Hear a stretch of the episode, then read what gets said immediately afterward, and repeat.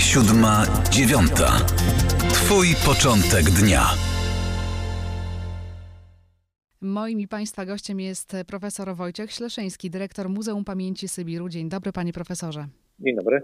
Kieruje pan jednym z najmłodszych, jeśli nie najmłodszym muzeum w Polsce. Miesiąc po otwarciu muzeum żyje, jest odwiedzane? Tak jest, proszę Państwa. Mamy naprawdę wiele osób. Powiedziałbym, skłamał jakbym powiedział, że jesteśmy zaskoczeni, że aż tak dużo, ale jest nam niezwykle sympatycznie, że mamy tylu zwiedzających, zarówno osoby indywidualne z Polski, ale także są już goście z zagranicy, jak i też grupy zorganizowane przede wszystkim oczywiście szkoły. A jaka jest misja tej placówki? Co chcecie opowiedzieć odwiedzającym? Zaczynając budowę tej placówki 4,5 roku e, temu, zaciągnęliśmy zobowiązanie stosunku do naszych Sybieraków, że zbudujemy tą placówkę jak najszybciej i bez wątpienia ta placówka jest hołdem skierowanym w stronę naszych Sybieraków, ale jest to placówka, która jest zbudowana przede wszystkim dla najmłodszego i średniego pokolenia. Celem działalności tej placówki jest opowiadanie o historii, o przeżyciach tych osób, które były deportowane albo zesłane w XIX-XVIII wieku, bo nie zapominamy też o tych wcześniejszych e, zesłaniach na daleką Syberię. Zachęcając wszystkich Państwa, aby realnie odwiedzili tę placówkę, trochę Państwa oprowadzimy dźwiękowo mm, po Muzeum Pamięci Sybiru. Jak wygląda wystawa stała? Od czego się zaczyna ta historia? Zaczyna się od wprowadzenia. Te wprowadzenie właściwie już opowieść zaczyna się na zewnątrz budynku.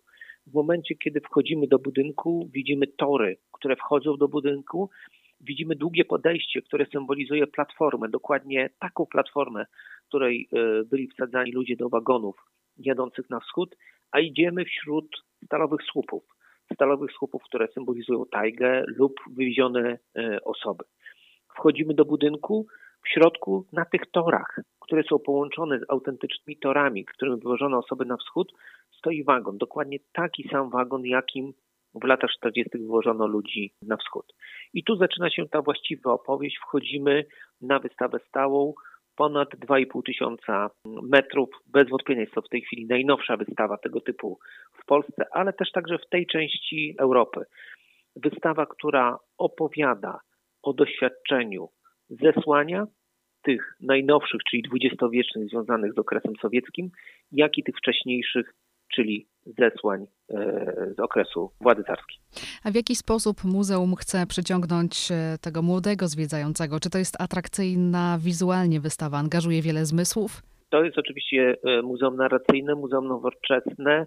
Muzeum cechą tego typu muzeum jest tak naprawdę zaangażowanie wszystkich zmysłów. Widzimy wzrok, możemy usłyszeć relacje, ale też możemy dotknąć, możemy też poczuć bo e, w momencie, kiedy trafiamy na Syberię, to jest już na drugim piętrze naszego budynku, temperatura jest lekko obniżona, słyszymy dźwięk wyjącego wiatru, wyraźnie odczuwamy e, chłód.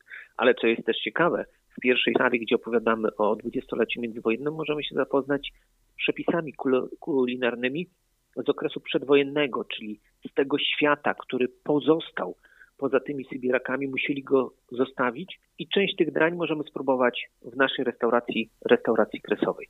Ale co jest bez wątpienia najważniejszą cechą tego muzeum? Jest to muzeum, przez które prowadzą nas sami wywiezieni. Relacje tych osób układają się w jedną całą opowieść. Nie chcieliśmy tej wystawy, nie chcieliśmy tego muzeum zrobić z perspektywy naukowca, osoby, która opowiada dla nas te dzieje z naszej perspektywy. Te losy, te zesłania opowiadają nam sami Sybiracy. Uprzedził pan profesor trochę moje kolejne pytanie, bo ono miało brzmieć, czy Sybiracy brali aktywny udział w powstaniu e, muzeum. Zapytam więc o przedmioty, które zgromadziliście w muzeum. One zostały przekazane wam przez Sybiraków? W tej chwili w zbiorach mamy ponad 5 tysięcy eksponatów. 90% tych eksponatów są to dary od naszych Sybiraków, od rodzin Sybiraków i to są eksponaty najważniejsze. Budując muzeum, jest to oczywiście muzeum niezwykle nowoczesne, ma dużo multimediów, ale dla nas najważniejszy był eksponat i relacja, autentyczny głos mm, Sybiraka. To tworzy niepowtarzalny klimat.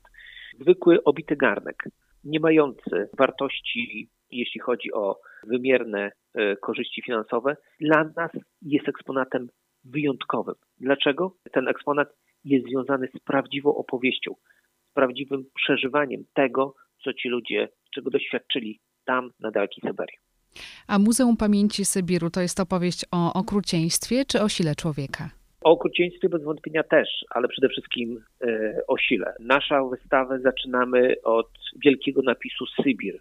W pierwszej sali dla polskiego widza, ale także dla zagranicznego. Wyjaśniamy, że w języku polskim mamy dwa bardzo zbliżone, ale jak inne słowa określające ten obszar świata. Syberia jest to nazwa geograficzna, natomiast Sybir jest to nazwa polityczna. To jest Syberia, e, Kazachstan, Uzbekistan, ale także to jest europejska część Rosji. Katyń nie jest Syberią, ale dla nas jest Sybirem. Dla nas Syberia to jest miejsce cierpienia. Ale ostatnia sala to jest wielki napis pamięć. Pokazujemy siłę przetrwania. Mamy instalacje, gdzie osoby z całego świata, zrobiliśmy wielką akcję międzynarodową, Sybiracy, drugie pokolenie i trzecie pokolenie Sybiraków z całego świata przesyłało nam zdjęcia i te osoby możemy w tej symbolicznej instalacji pamięć zobaczyć, a my sami możemy w tych napisach pamięć zostawić fragment swojego odczucia, swoich własnych wrażeń po wystawie. A co mówili Sybiracy, którzy brali udział w otwarciu muzeum? Czym jest dla no, nich to e, miejsce? No, nie ukrywam, że to była pierwsza grupa e, i dla nas najważniejsza, która e, zwiedzała wystawę, czyli w dniu otwarcia Sybiracy byli z całej Polski, zresztą zostali zaproszeni na otwarcie, bo dla nas z perspektywy mm, osób budujących muzeum, oczywiście cieszyliśmy się, że na otwarciu byli politycy, zresztą wszystkich opcji, ale dla nas najważniejszymi gośćmi byli Sybiracy. Bardzo entuzjastycznie odnosili się do wystawy. Powiem, jakie ja mam wrażenie jako dyrektor, ale myślę też i zespół, bo dzieliśmy się wspólnie tymi wrażeniami. Było widać po tych Sybirakach, że patrzyli na te muzeum częściowo z ulgą, bo było widać po nich, że wyszli znacznie spokojniejsi niż przychodzili na otwarcie, bo wiedzą, że w tej chwili mogą to swoją pamięć złożyć w ręce młodszego pokolenia. No to przecież to młodsze pokolenie musi zarządzać i musi po prostu pracować w tym muzeum. Wspomniał już Pan o tym, że historia zesłani to nie jest historia tylko XIX i XX wieku, ale też wcześniejsza. Niektórzy podążali na Syberię dobrowolnie, chociaż może się wydawać to nieprawdopodobne, ale tak było. E, poznamy też ich historię, takie historie? Oczywiście, e, to jest e, Muzeum Pamięci Sybiru skupiamy się przede wszystkim oczywiście na cierpieniu, na traumie, ale nie zapominamy o tym fragmencie naszej historii, kiedy na przełomie XIX-XX wieku część naszych przodków wybierało jako naturalne miejsce emigracji Stany Zjednoczone czy Kanadę, a część właśnie wyjeżdżało na Syberię w poszukiwaniu swojego szczęścia. Takim najlepszym przykładem jest 200 kilometrów od Tomska, czyli w odległości syberyjskiej tuż obok Tomska miejscowość, która nazywa się dokładnie tak jak nasze miasto, miasto, w którym powstało Muzeum Pamięci Sybiru, czyli Białystok, Białystok Syberyjski. Miasto stworzone przez osiedleńców, dobrowolnych osiedleńców, którzy wyjeżdżają na Syberię w poszukiwaniu swojego szczęścia. Co jest ciekawe, nikt z nich nie jest z Białegostoku, ale jest tutaj w okolicy, nazywają tu swoją miejscowość Białystok, bo chcą, żeby tak jak ten Białystok z końca, z przełomu XIX-XX wieku rozwija się bardzo szybko, chcą tak, żeby ich ta wieś rozwijała się bardzo szybko. I faktycznie całkiem nieźle prosperuje. Oczywiście aż do czasów sowieckich, kiedy najpierw jest zamknięty kościół, później stworzony kołchos, a zimą 1938 roku w ciągu jednej nocy wszyscy mężczyźni zostają aresztowani i zgładzeni w ramach tzw. Tak operacji polskiej NKWD w czasach wielkiego terroru. Coraz więcej osób odwiedza Muzeum Pamięci Sybiru, innymi piłkarze Jagiellonii. Wiem, że odwiedzili to muzeum kilka dni temu. Jakie wrażenie na nich zrobiło? No myślę, że tak jak na wszystkich, na piłkarzach, e, tym bardziej, że w naszej Jagiellonii mamy mm, zarówno naszych piłkarzy, jak i też e, gości z zagranicy. Szczególnie tutaj ci, e, ci gracze, którzy są z tej części Europy, oni mają dokładnie takie same doświadczenie. To też jest niezwykle ważne.